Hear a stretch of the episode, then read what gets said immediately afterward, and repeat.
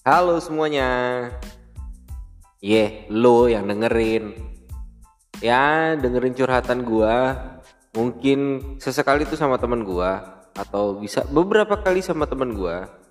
Silakan dengerin cerita-cerita kita dan siapa pun yang mau bareng ngobrol di sini, join sama kita. Boleh banget. Lo bisa DM ke podcast cerita A di Instagram atau podcast cerita di Twitter. Oke, selamat mendengarkan. Bye.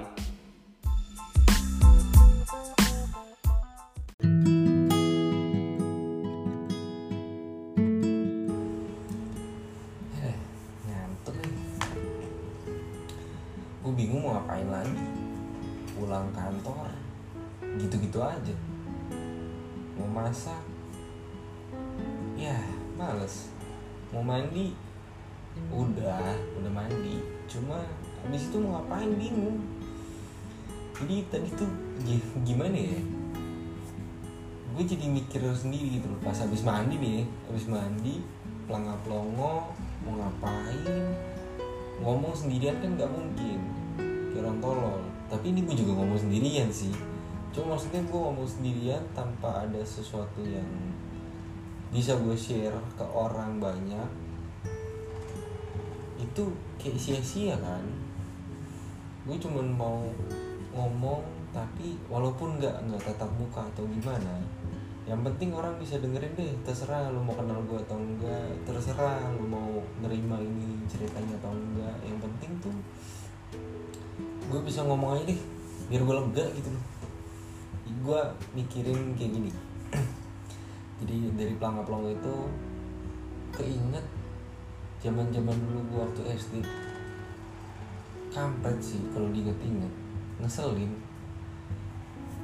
Dari gue kelas 1 SD itu gue masuk ke kelas yang ya biasa nggak ada yang gue kenal lah. Sih nggak ada yang gue kenal nggak ada yang gue kenal. Terus sampai akhirnya gue ketemu satu orang teman gue ini. Gak usah gue sebutin lah namanya. Akhirnya kita ngobrol kenalan baik-baik. Putus baik-baik. Ya enggak ini cowok. Ini cowok. Jadi kita ngobrol kenalan temenan dan orang tua kita juga deket. Sampai akhirnya kita tuh sering gimana ya main ke mana pulang sekolah bareng liburan tuh bisa bareng segala macem. Cuma bukan itu sih poinnya. Poinnya adalah gak ada yang mau temenan sama gue selain dia kayaknya. Jadi tuh selama gue sekolah di SD 6 tahun itu yang gue rasain adalah gue dibully. Itu perasaan gue ya. Emang sih jujur gue tuh anak paling cengeng di sekolah lu tanya siapa pun yang ada di sekolah sampai satpam OB segala macam itu tahu. Oh si Willy nih yang paling cengeng kan yang suka muntah kan?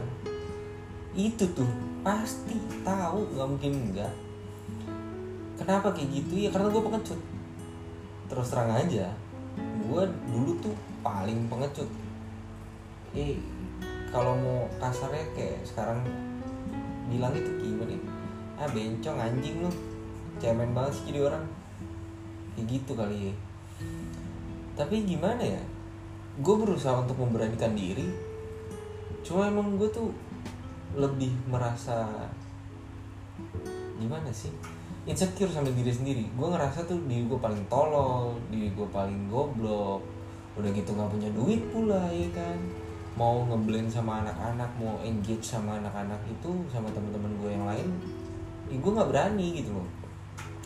Jadi ya alhasil setiap mereka pada main gue cuman diem doang di pojokan.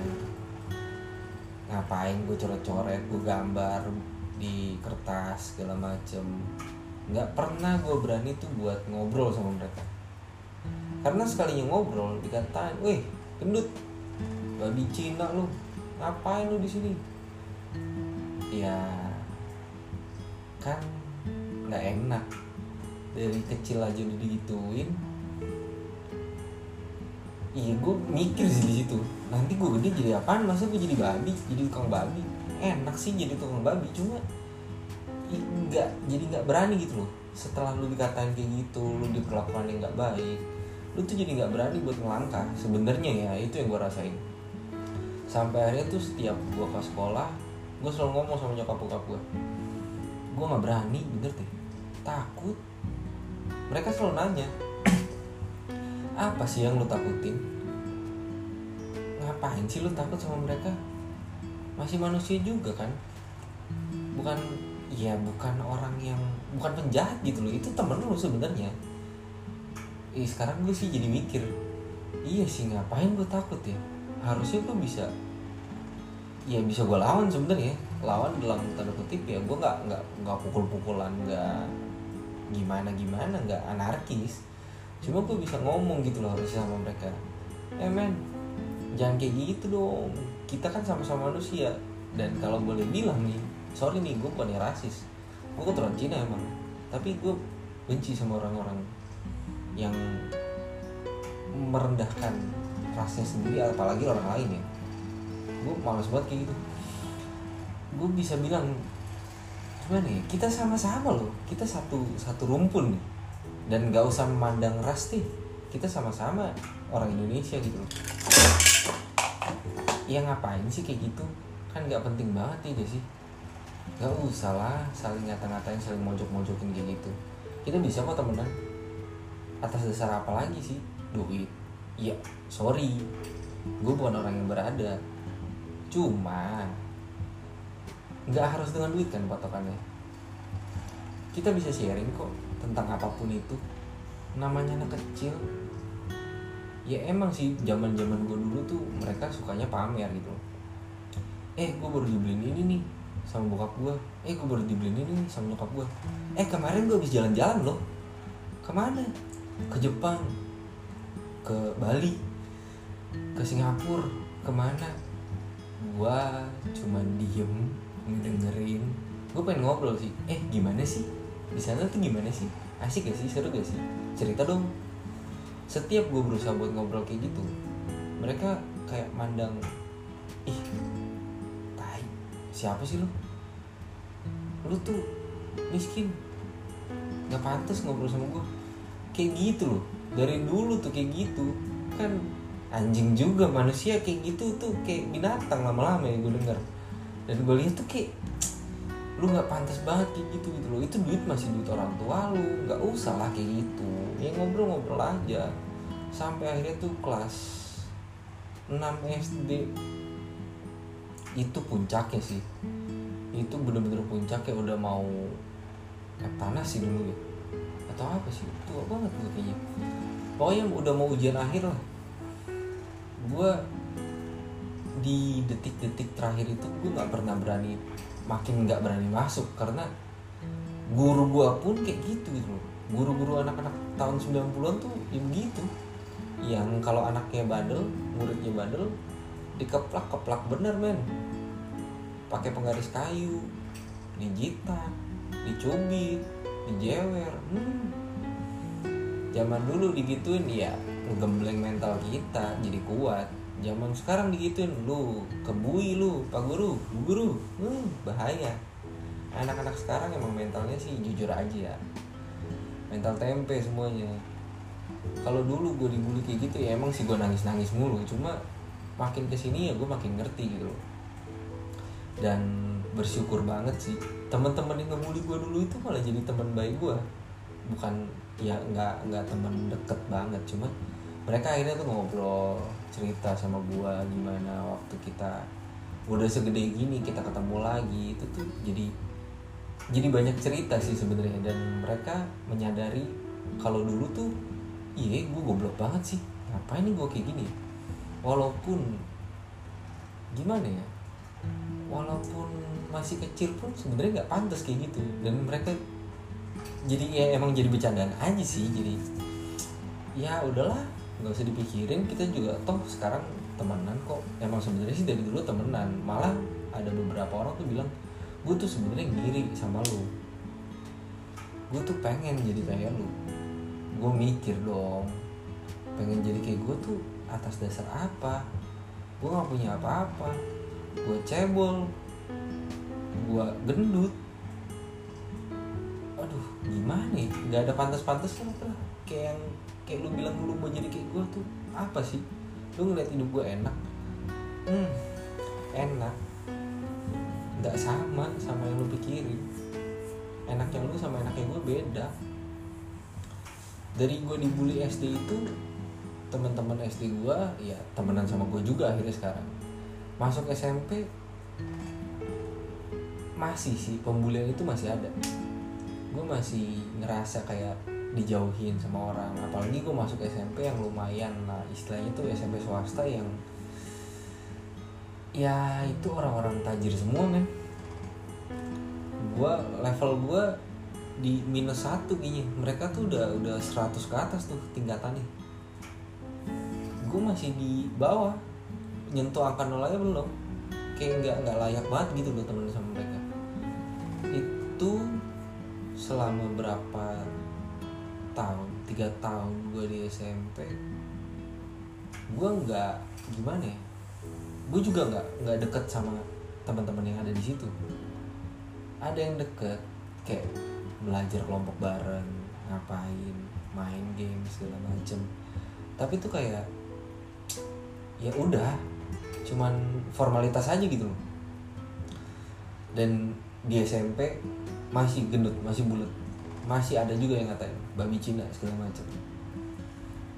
SMP SMP akhir kelas 3 akhir itu gue berusaha buat ya olahraga segala macam. Itu sih dari kelas 1 olahraga semuanya itu gue lakuin lah. Gimana cara gue ngurusin badan dan gue nambah tinggi nggak cebol-cebol amat gitu. Sampai akhirnya di kelas 2 kelas 3 agak kurus sih. Tapi kayaknya kekurusan gitu turun drastis banget gila. Sampai kadang disangka ngobat sama orang tua gue sama keluarga gue kalau misalnya ketemu si emak si ngkong gitu. Nah, lu ngobat deh? Eh buset kagak. Kenal rokok aja belum itu SMP gue kenal rokok SMA kelas 1 baru tahu maksud bukan yang baru tahu baru nyoba. Kagak pernah tuh nyentuh rokok di SMP cuma nyium nyium bau baunya doang kagak ada juga nyimeng segala macam. Kagak pernah nyentuh kayak gituan. Mana tahu juga sih zaman dulu kan gue anak cupu. Gue cuma olahraga doang. Jadi makan nggak gue atur. Gue makan sebanyak banyak gue tapi setiap pagi sama sore sama malam itu pull up sit up push up. Pasti tuh kayak gitu main basket main bola. Sama siapa aja deh yang ada di lapangan orang gue ikutan deh. Akhirnya jadilah kurus. Gue pikir dengan kayak gini nih ya ada perubahan nggak dibully lagi. Eh masih ada aja. Ngebulinya nggak ke fisik sekarang. Ke otak dikatain eh goblok. Ngapain lu orang goblok gak bisa lah main sama kita. Hmm? Dan satu lagi yang paling gue benci masih. Kalau nggak punya duit jangan temenan deh. Hmm? berantem aja males banget gue sama orang-orang kayak gitu. Di SMA akhirnya gue ngerasain ada penerimaan. Cuma gue nggak puas sekolah di SMA itu. Gue ngerasa terlalu rohani. Apa apa doa apa apa doa. Gue gue bukannya orang yang nggak beragama ya cuma nggak semuanya itu lu bisa selesai dengan doa. Lu doa sih doa tapi lu kerja anjing. Lu belajar. Jangan jangan cuma ngandelin doa doang. Dan kebanyakan orang-orang yang gue lihat di sana patokannya emang doa sih. Patokannya emang firman Tuhan. Emang Alkitab dasarnya ini karena gue sekolah di, di sekolah Kristen. Tapi kalau misalnya ada apa-apa kayak contohnya ulangan segala macem doa dulu doa mulu. Terus ada yang salah mengartikan. Kalau gue udah doa berarti gue bisa besok. Goblok. Nggak begitu caranya. Cara mainnya kan nggak gitu. Ya lu doa sih doa. Cuma lu belajar juga lah. Sampai waktu itu tuh aduh gimana ya? Ikut pelayanan sana sini sana sini gue ngerasa nggak ada perubahan. Karena ternyata gue nggak nggak nggak sejalan gitu loh sama ajarannya mereka dan sejujurnya di SMA itu gue nggak merasakan nggak menikmati zaman zaman SMA gue masa-masa SMA gue gue gak menikmati. Gue sempet kelas 1 itu pertengahan kelas 1 malah gue ngomong ke bokap nyokap gue mau pindah dong. Gue mau pindah sekolah. Ya jawaban mereka cuma satu. Duit dari mana lu? Udah bagus bisa sekolah ini versi gue ya jawabannya versi gue kurang lebih sih kayak gitu cuma jawaban gue jawaban versi gue emang lebih kasar lebih nyolot lah. Tapi mereka nggak ngomong kayak gitu kok. Maksudnya nggak nggak sekasar itu ngomongnya. Ya akhirnya gue mikir juga sih iya juga sih duit dari mana ya? Gue dari SD aja ya bersyukur juga bisa bisa belajar lulus SD lulus SMP masuk SMA walaupun istilahnya tuh ya gue nggak pinter-pinter amat tapi seenggaknya gue bisa menikmati bisa melewati masa-masa itu. Bukan menikmati ya. Menikmati sih enggak jujur aja gue gak menikmati masa-masa sekolah gue sampai akhirnya gue coba berjuang di situ ngadepin orang-orang yang kayak gitu. Dan gue terus terang masih terpaku dengan minder gue hasil dari bulian jam SD SMP di SMA itu emang ada perubahan. Gue ngerasain diri gue tuh berubah ada perubahan di situ. Cuma tetap satu jeleknya itu gue nggak bisa ngilangin minder gue mungkin sampai detik ini ya sampai detik ini tuh kadang-kadang masih masih aja minder. Tentang apa pun itu pokoknya gue gue minder lah gue nganggap diri gue tuh nggak pernah mampu gitu. Sampai akhirnya tuh ya kadang kepikiran juga nggak boleh gue kayak gini. Gue coba buat ngelepasin mindernya itu ya sesekali masih bisa.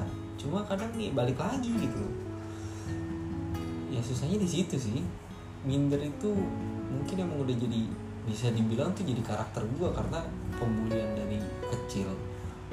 Sampai detik ini masih jadi pergumulan lah. Gue berusaha buat ngilangin itu. Karena kalau misalnya gue nggak hilangin gue yang terhambat. Gue yang nggak bisa maju. Kayak gitu. Sampai di kuliah pun akhirnya SMA gue lulus. Iya gue lulus. Walaupun waktu itu banyak tersebar contekan-contekan ya gue ikut lah nyontek. Gila kali. Nyontek. Zaman zaman nyontek mah nyontek aja. Jangan malu-malu jangan munafik. Nyontek mau nyontek lah. Orang kadang gurunya juga ngasih contekan kok. Yang jadi pengawasnya juga sebodoh amat sebenarnya. Kalau misalnya ini ya gimana? Lu mau nggak lulus? Ya, pilihannya cuma dua. Lulus atau enggak? Itu doang kan waktu ujian akhir mah. Ya itu kenapa gue nyontek? Karena gue ngerasa pelajaran-pelajaran itu nggak penting buat gue terus terang ya gue merasa pelajaran itu nggak nggak ada yang penting. Kenapa gue bilang nggak penting? Karena nanti pasti kerja itu sedikit banget yang kepake. Bahkan ada yang nggak kepake. Nggak semua lah kepake. Dari 200 halaman buku paket lo yang kepake apa sih? Halaman pertama paling tentang pengertian pengertiannya doang. Udah. Habis itu lo kembangin sendiri lo lo aplikasikan lah di kerjaan lo gimana. Selebihnya ada. Dikit. Nggak semua lah. Cuman yang penting-penting aja yang di highlight di buku paket itulah yang bisa kepake. Itu menurut gue ya sorry nih. Kalau ada pendapat lain ya silakan. Cuma itu menurut gue makanya gue belajar ya seadanya aja gitu loh sampai kuliah pun gue belajar seadanya aja. Gue kuliah belajar gue pelajarin segala macam. Di semester pertama aja nih ya gue udah nemuin dosen-dosen yang kayak tai. Lu bayangin UTS zaman zaman semester 1 lagi giat-giatnya dong. Gue belajar nih sampai subuh belajar terus. Pagi ujian gue kerjain. Ih jawabannya bisa nih gue nih. Soalnya sesuai nih sama yang gue pelajarin semalam. Gue tulis lah jawabannya sesuai sama buku. Sampai tiba hasilnya. Kok nilai gue cuman segini? Kurang lebih C lah ya. Hitungan angkanya gue lupa berapa. Pokoknya gue dapetnya C lah. UTS itu gue inget banget itu. Mata kuliahnya hukum dalam bisnis. Kalau anak-anak ekonomi tahu deh hukum dalam bisnis gue udah jawab sesuai sama bukunya sesuai sama teorinya. Dapet C UTS terus gue lihat temen gue kok bisa dapet A? Ya gue mau lah dapet A. Terus gue tanya dong dengan pemikiran bisa nih gue perbaikin gue kejar aja di uas jadi gue tanya sama temen gue lu jawabnya gimana sih? Boleh lihat gak ya apaan sih? Gue juga nggak ngerti kali sebenarnya. Lah itu bisa dapat A lo eh gue bener-bener nggak jawab tuh sesuai sama teorinya. Gue jawab asal-asalan. Lah terus lu jawab apaan? Coba gue lihat. Nggak usah lu lihat deh gue malu juga kali. Iya nggak apa-apa sih. Gue cuma pengen pelajarin aja apa sih yang lu jawab sebenarnya. Eh jangan goblok ya. Gue cuma nulis lagu Indonesia Raya doang Will nggak lebih. Satu lembar folio empat halaman. Gue cuma nulis Indonesia Raya doang. Wah si anjing bener. Lu bayangin nih lu bayangin nih nulis Indonesia Raya itu bisa dapat A. Gue belajar mati-matian sampai subuh cuma dapat C. Sampai akhirnya di uas gue nggak belajar sama sekali. Lu tahu apa yang gue tulis lagunya Peter Pan mungkin nanti.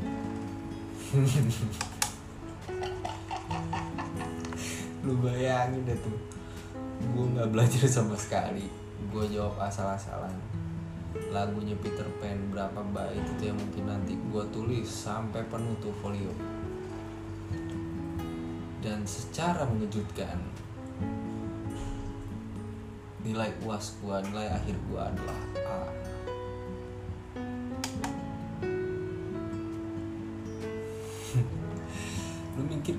betapa gobloknya gue betapa merasa sangat gobloknya diri gue kuliah gue pikir bisa bikin makin pinter gitu.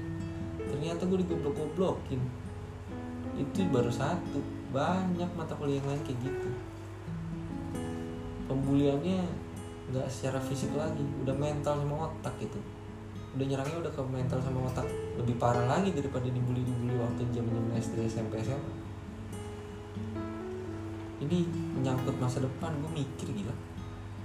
Gue kalau kayak gini dulu kuliah sama bapak gue udah bayar mahal-mahal. Mereka taunya kan ya lu kuliah deh belajar itu sampai lu pinter gitu gue di satu sisi sebagai anak nih mana mau sih lu ngecewain orang tua lu? Gue sampai mikir tuh ini ini gue yang bego apa orang yang bikin kampus yang tolol apa dosennya sendiri yang dongo satu-satunya mungkin dosen yang itu doang kali yang kayak gitu. Ya gue berpikir secara positif lah ya. Oh mungkin ini emang mungkin karena dosennya udah tua kali ya jadi siwer gitu matanya. Secara positif yang tolol banget sih pikiran gue itu. Masuk ke semester semester berikutnya ternyata makin banyak dosen-dosen yang kayak gitu sih. Anjing bener.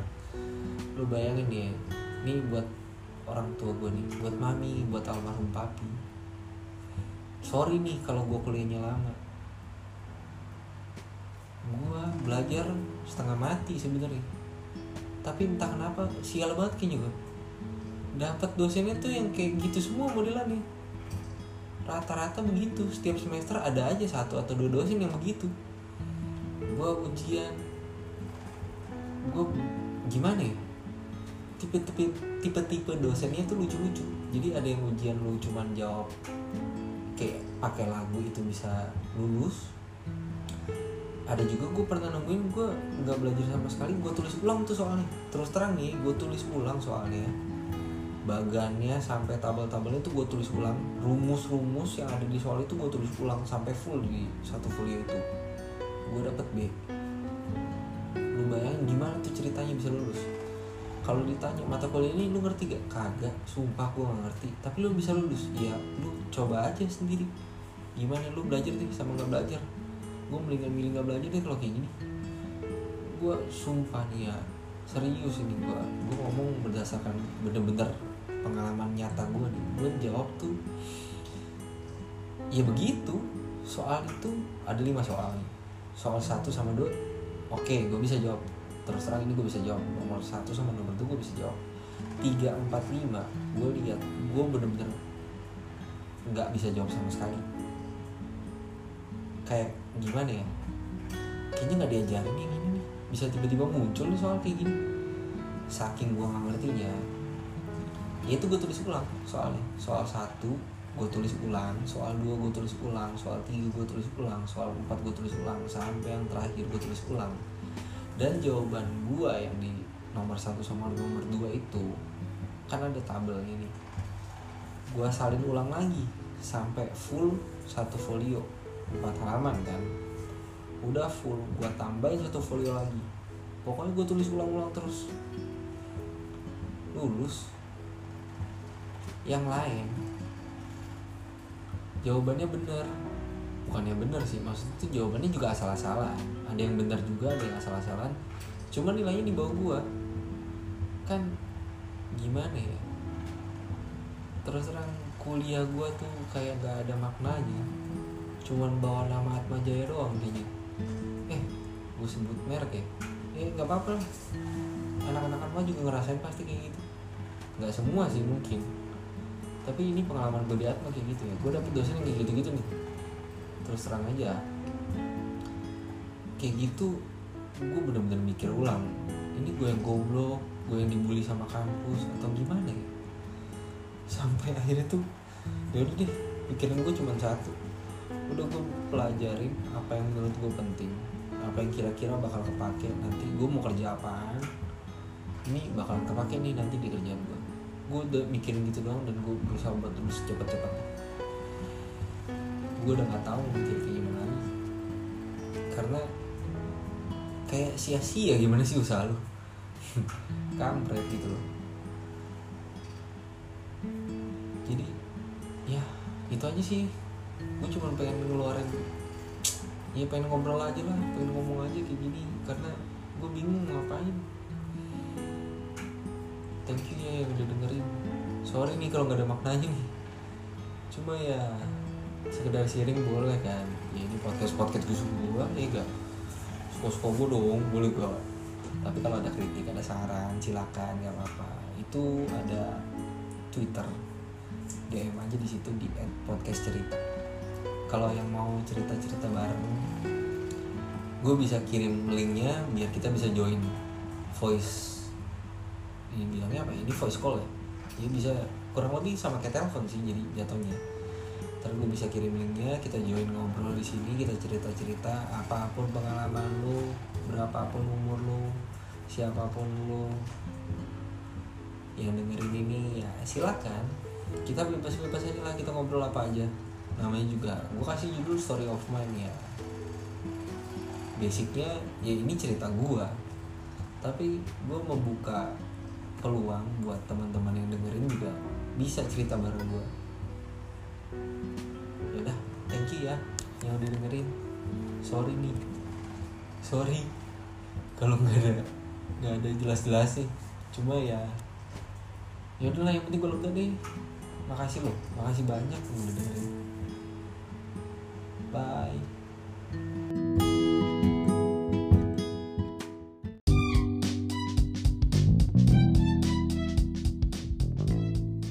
Makasih buat yang udah dengerin. Semoga kalian bisa menerima manfaatnya. Ambil yang baik, buang yang jelek, oke? Dan ada beberapa mungkin yang bercandaan sebenarnya. Tolong jangan diambil serius ya. Gua ngeri nih, ntar tiba-tiba lu seriusin malah jadi gimana-gimana kan. Tolong aja nih. Dengerin baik-baik dan itu kita pasti kasih tahu sesuatu kok. Maksudnya kalau ada yang bercandaan, ada yang jelek, ada yang apa, ya lu jangan ikutin lah yang itu. Lu ikutin yang baik-baiknya aja. Dan kita open buat siapa aja yang mau join bareng kita, cerita bareng-bareng di sini. Boleh DM di @podcastcerita_a di Instagram atau di Twitter @podcastcerita. Oke, okay, thank you buat yang udah dengerin. Bye.